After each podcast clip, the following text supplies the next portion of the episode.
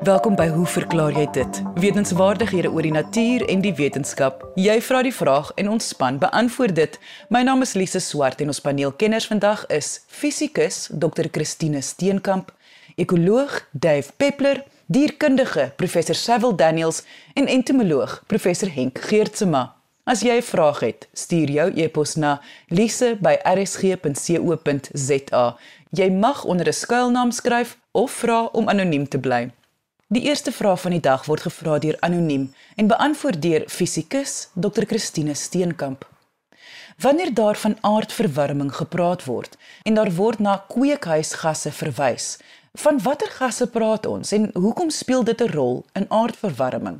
Is kweekhuisgasse nie nodig vir regulering van die aarde se temperatuur nie? Dr. Steenkamp. Ons het nou al daaroor gesels dat atome lig absorbeer. Ek het toe gesê dat die atome 'n patroon van unieke ligkleure of liggolflengtes absorbeer en genoem dat dit ook vir molekules geld. Maar daar moet seker 'n verskil wees tussen atome en molekules en dan hulle ligabsorpsie eienskappe.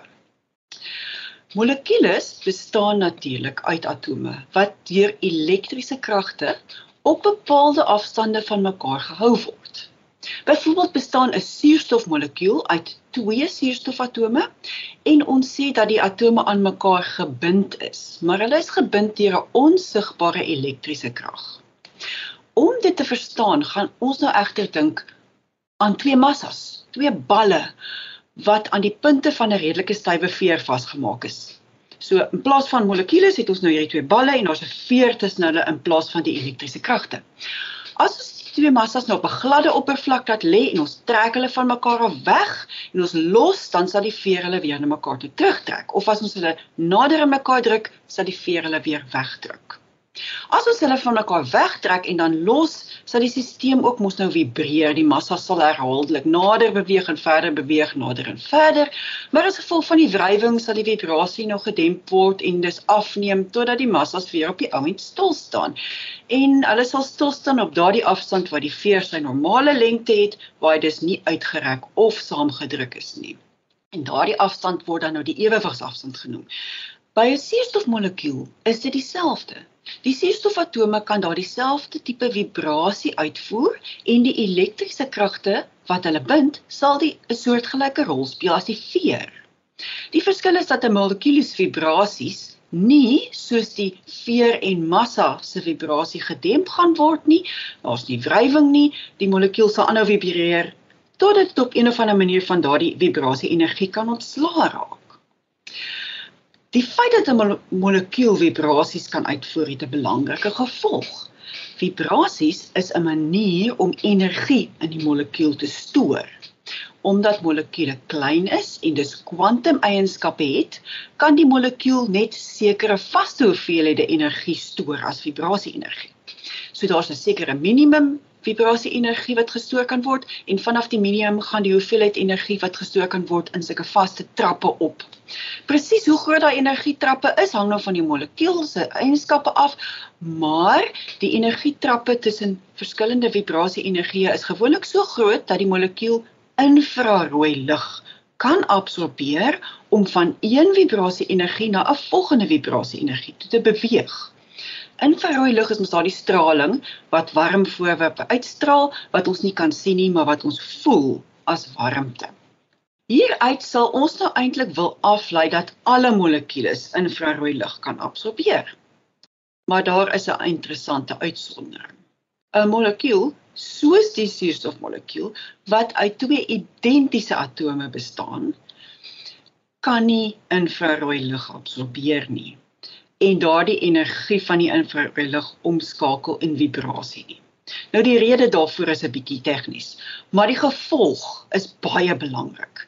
Suurstof en stikstofmolekules wat die grootste deel van ons atmosfeer uitmaak, absorbeer nie infrarooi lig nie. Dit is belangrik. Nou ja, sodra 'n molekuul egter uit meer atome bestaan of uit twee verskillende atome bestaan. Dan absorbeer dit wel infrarooi lig soos ek nou verduidelik het en stoor daardie energie wat dit van die lig kry as vibrasie energie. Voorbeelde van molekules wat infrarooi lig kan absorbeer is byvoorbeeld die watermolekuule wat uit 'n suurstof en twee waterstofatome bestaan, koolstofdioksied wat uit koolstof en twee suurstofatome bestaan en metaan wat uit 'n koolstof en vier waterstofatome bestaan. Die molekules wat ek nou genoem het, is presies die sogenaamde kweekhuisgasse waarvan ons hoor as daar van aardverwarming gepraat word.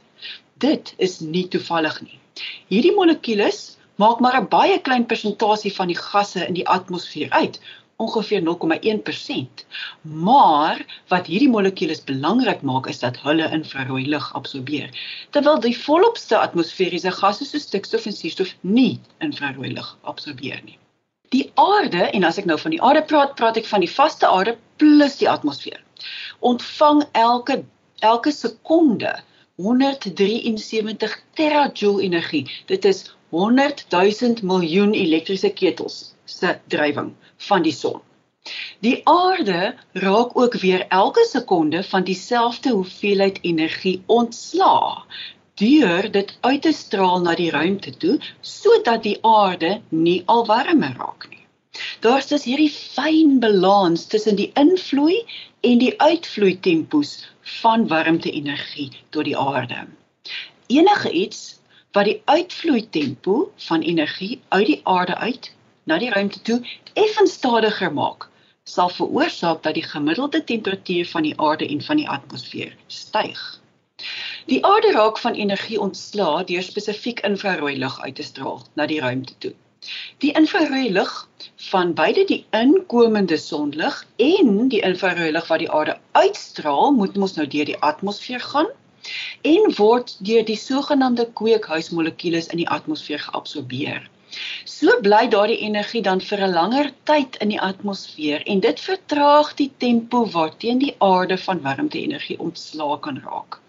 Die kweekhuismolekules vorm maar 'n klein persentasie van die gasse in die atmosfeer, maar omdat dit so fyn balans is tussen die uitvloei en die invloei tempos van energie in en uit die aarde-atmosfeerstelsel, is 'n klein bietjie meer van hierdie gasse um, in die atmosfeer wat energie vir 'n rukkie kan stoor genoeg om die balans te versteur en die gemiddelde temperatuur van die aarde te laat styg.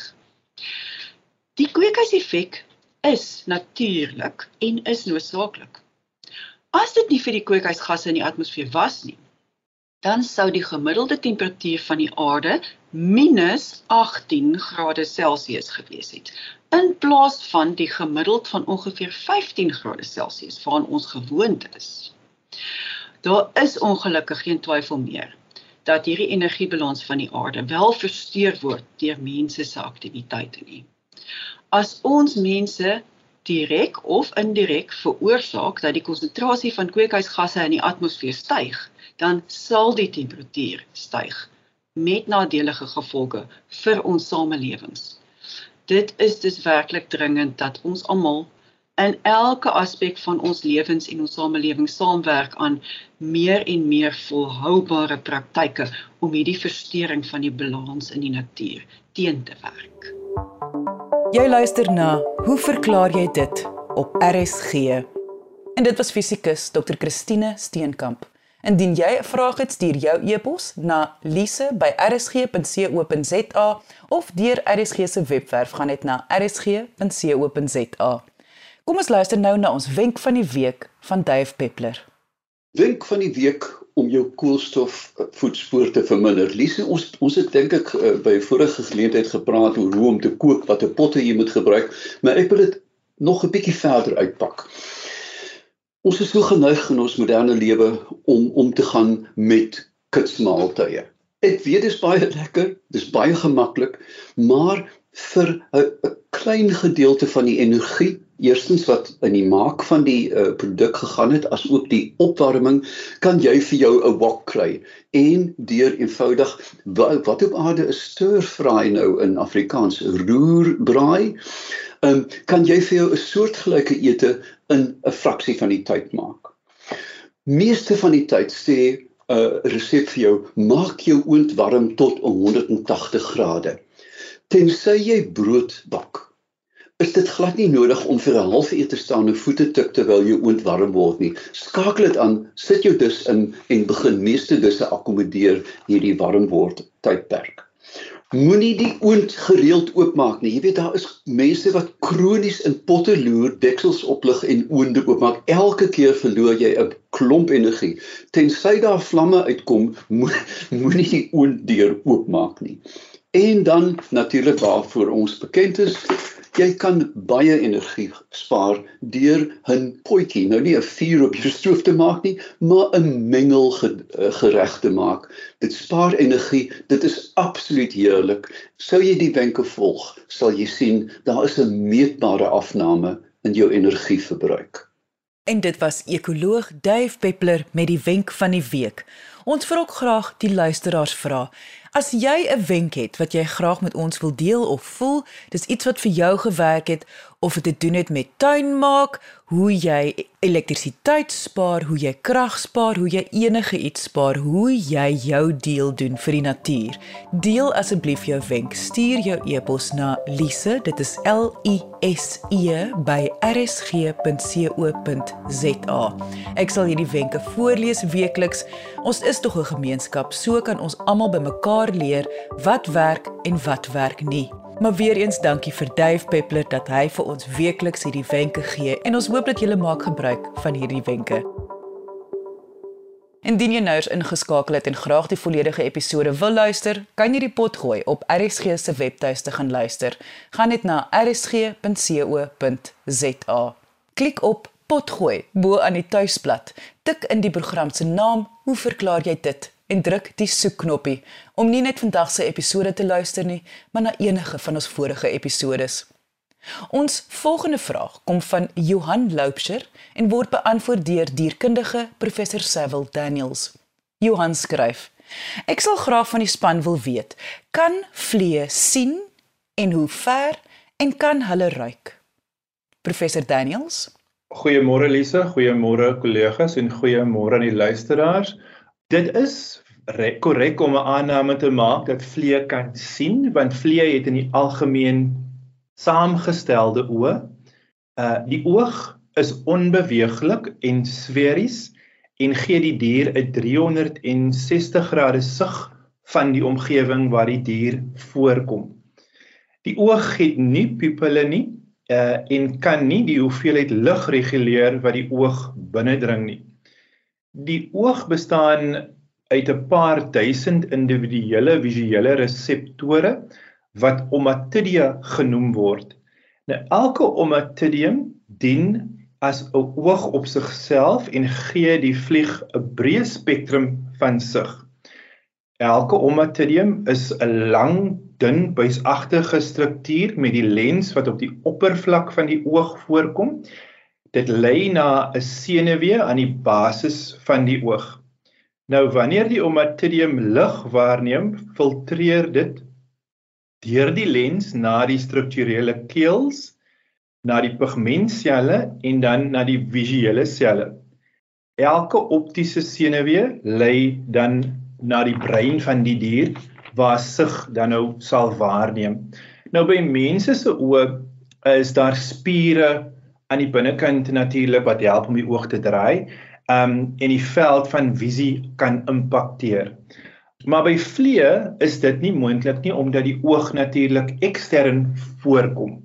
Omdat daar geen beheer is oor die hoeveelheid lig wat die oog binnendring nie, kan vliee nie die beeld goed fokus nie.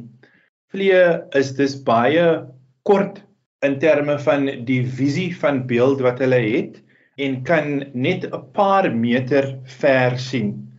Vliee die geneigtheid om baie vinnig weg te beweeg wanneer hulle iets sien beweeg in die omgewing. En dit is gewoonlik omdat die omatidium baie sensitief is vir beweging en gewoonlik wanneer daar beweging is, veroorsaak dit dat daar 'n senuwee impuls afgeskiet word en ehm um, hierdie afskiet en skok meganisme wat in die in die omatidium plaasvind is in die algemeen bekend as die flikker effek. Nou omdat 'n vlieg beweging kan waarneem en nie die voorwerp kan sien nie, beweeg hulle gewoonlik um baie vinnig weg wanneer daar enige beweging in die omgewing is. Dit is baie interessant om daarop te let dat hulle baie beperkte kleurvisie het en dat daar net twee kleur reseptore selle in die vlieg se oog voorkom. Nou in die algemeen by diere wanneer een sintuig uh tot 'n groot mate ek gaan nou sê swak is, is daar gewoonlik 'n aanpassing in 'n ander area om die sintuig te probeer verskerp. Nou alhoewel die sig by vlee baie swak is, is die reuk sintuie by vlee baie goed ontwikkel tot so 'n groot mate dat die diere 'n sleg ruikende voorwerp van ongeveer 6 km ver in die omgewing sal kan waarneem. Nou die diere gebruik hulle antennie wat natuurlik ook op die kop geleë is om reuk in die omgewing waar te neem. Op die antennie self is daar fyn haaragtige strukture wat sensille genoem word. Elke sensille bevat 'n paar neurone en van die neurone is gespesialiseer om ammonia in die omgewing waar te neem. Nou mense nou wonder maar hoekom nou spesifiek ammonia? Die reseptore self is redelik sensitief daarvoor, maar die hoofrede daarvoor is omdat ammonia 'n vlugtige baie klein molekuul is wat deur die reseptoor waargeneem kan word. En wanneer die antenne of die sensille wat hierdie sensitiewe haaragtige strukture is wat nou op die antenne voorkom, die ammonia waarneem, dan depolariseer dit die selle wat teenwoordig is in die ehm um, sensille en dit stuur 'n boodskap na die brein wat sê hier eers in die omgewing is 'n baie aangename reuk en hierdie reuk word dan natuurlik geassosieer gewoonlik met een of ander ontbindingsmeganisme. Nou ammonia word in die algemeen geproduseer deur bakterieë wat um, op karkasse voorkom. En hierdie bakterieë kan of aerobies of anaerobies um die die ammonia sintetiseer en 'n mens moet dan nou onthou dat hierdie byproduk van die um metabolisme van bakterieë dan nou tot 'n groot mate help om die vlieg na die onbindende verkas uh, karkas liewer te bring of enige iets wat dan nou um onwelrykend is in die omgewing sodat die um vlieg dan nou voedselitem kan kry maar ook 'n area kan kry waar hulle natuurlik hulle eiers sou kon lê om die volgende geslag dan nou te waarborg. En dit was dierkundige professor Sewil Daniels. Ons kits vra en ons het twee vandag word beantwoord deur entomoloog professor Henk Geertsma. Die eerste kitsvraag word gevra deur Susan van der Walt van Pretoria. Hoe verklaar jy dit dat dit moontlik is vir 'n muskietwyfie om bloed van verskillende spesies soos byvoorbeeld honde en ook mense te kan gebruik om eiers te lê? Verskillende spesies se bloed verskil tog radikaal. Wat is dit in die bloed wat in al die spesies is wat sy dan nodig het en gebruik? Susan, dankie vir 'n interessante vraag. Maar terselfdertyd verskaf Susan self die antwoord. Dit is so dat die bloed van gewervelde diere van paras tot by voëls, ander diere, die mens en sy huisdiere en vee deur muskietwyfies opgeneem word as voeding. Sommige soorte is wel spesifiek wat betref die keuse van gasheere of is dit dames?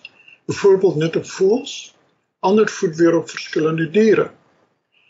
Nou die samestelling van die verskillende diere se bloed kan verskil. Maar die gemeenskaplike faktor hier is dat alle diere se bloed 'n hoë persentasie van proteïene bevat wat deur die wyfie muskiet benodig word vir die vorming van eiers. Dit is wel so dat baie muskietsoorte spesifiek op bepaalde gasheer voorkom of aanval. Maar meeste muskiete het 'n wye verskeidenheid van gasheere en kan dus verskillende bloedsamestellings opneem, want dit gaan wesentlik oor 'n proteïenryke voedingsbron. Dit is baie interessant, daar is natuurlik 3 subfamilies van die muskiete. Dit is die Anopheles groep, die Culex groep en dan kry mense 'n derde groep, die Toxorhynchochilinae. Daar is twee spesies in Suid-Afrika en die uh lede van die laasgenoemde groep voed glad nie op bloed nie, maar die ding is die proteïenbron word deur die larwes van die muskiet verkry. Met ander woorde, die volwassenes van hierdie klein subfamilie voed nie op bloed nie. Dankie Susan vir jou vraag en ek hoop die antwoord is vir jou tot nut. Jy luister na Hoe verklaar jy dit op RSG? Die tweede kitsvraag wat ook deur professor Geertsema beantwoord gaan word, word gevra deur Andrew en Tokkie van Haaskraal. Ons vermoed dit is die plaas se naam van Potchefstroom. Ons het onlangs 'n paar gekookte eiers in 'n lugdig houer vergeet. Na 'n paar dae het ons die houer oopgemaak. Daar was 'n vreeslike reuk en die eiers was vol klein wit wurmpies. Hoe verklaar jy waar die wurmpies vandaan kom? Hoe ontstaan hulle? Eerstens dankie vir die vrae wat luisteraars instuur. Dit verskaf my groot plesier om die verskeidenheid van navrae te hanteer. Nou gewoonlik is gekookte eiers met 'n onbeskadigde dop redelik vry van skadelike besmetting, soos in hierdie geval. Ongelukkig sê Andrew en Tokkie Newland die eiers na afkoeling en afdop gelê het voordat in die lugdigte houer geplaas is nie. Ek vermoed na aanleiding van die nare gevolg dat dit hoogstens 'n paar minute sou wees, want dit gee genoeg tyd vir 'n besmetting en verklaar die aanwesigheid van klein wit wurmpies. Daar's twee moontlike daders. Dit kan besmetting deur of brommers of die gewone huisvlieg wees.